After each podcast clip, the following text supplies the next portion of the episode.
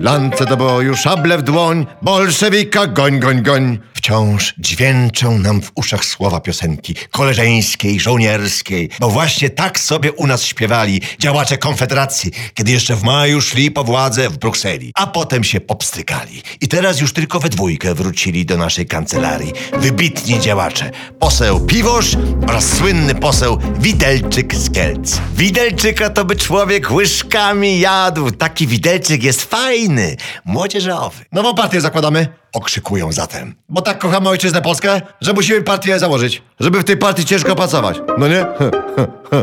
Widelczyk, widelczyk, tak na mnie wołają. To już nie będzie konfederacji? Zdziwił się mecenas Targowicki. Burdel to był, agencja towarzyska.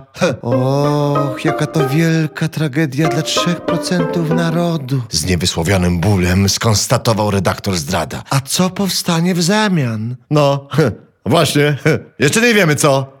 Dwa dni namyślał się Targowicki i dwie noce zdrada, aż wreszcie wymyślili. Niech zamiast konfederacji będzie federacja. Bo federacja w Gwiezdnych Wojnach, wyjaśnił rzeczowo Targowicki, rządziła całą galaktyką. No i za...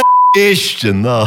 Zawołał młodzieżowo Widelczyk, a posłowie Piwoszowi to aż oczy zaszły mgłą. Rządzić galaktyką to co prawda nie przelewki, ale widać, że Piwosz nie miałby nic przeciwko temu. A jaki będziecie mieć program? Zapytał na koniec mecenas Targowicki. Jak to jaki?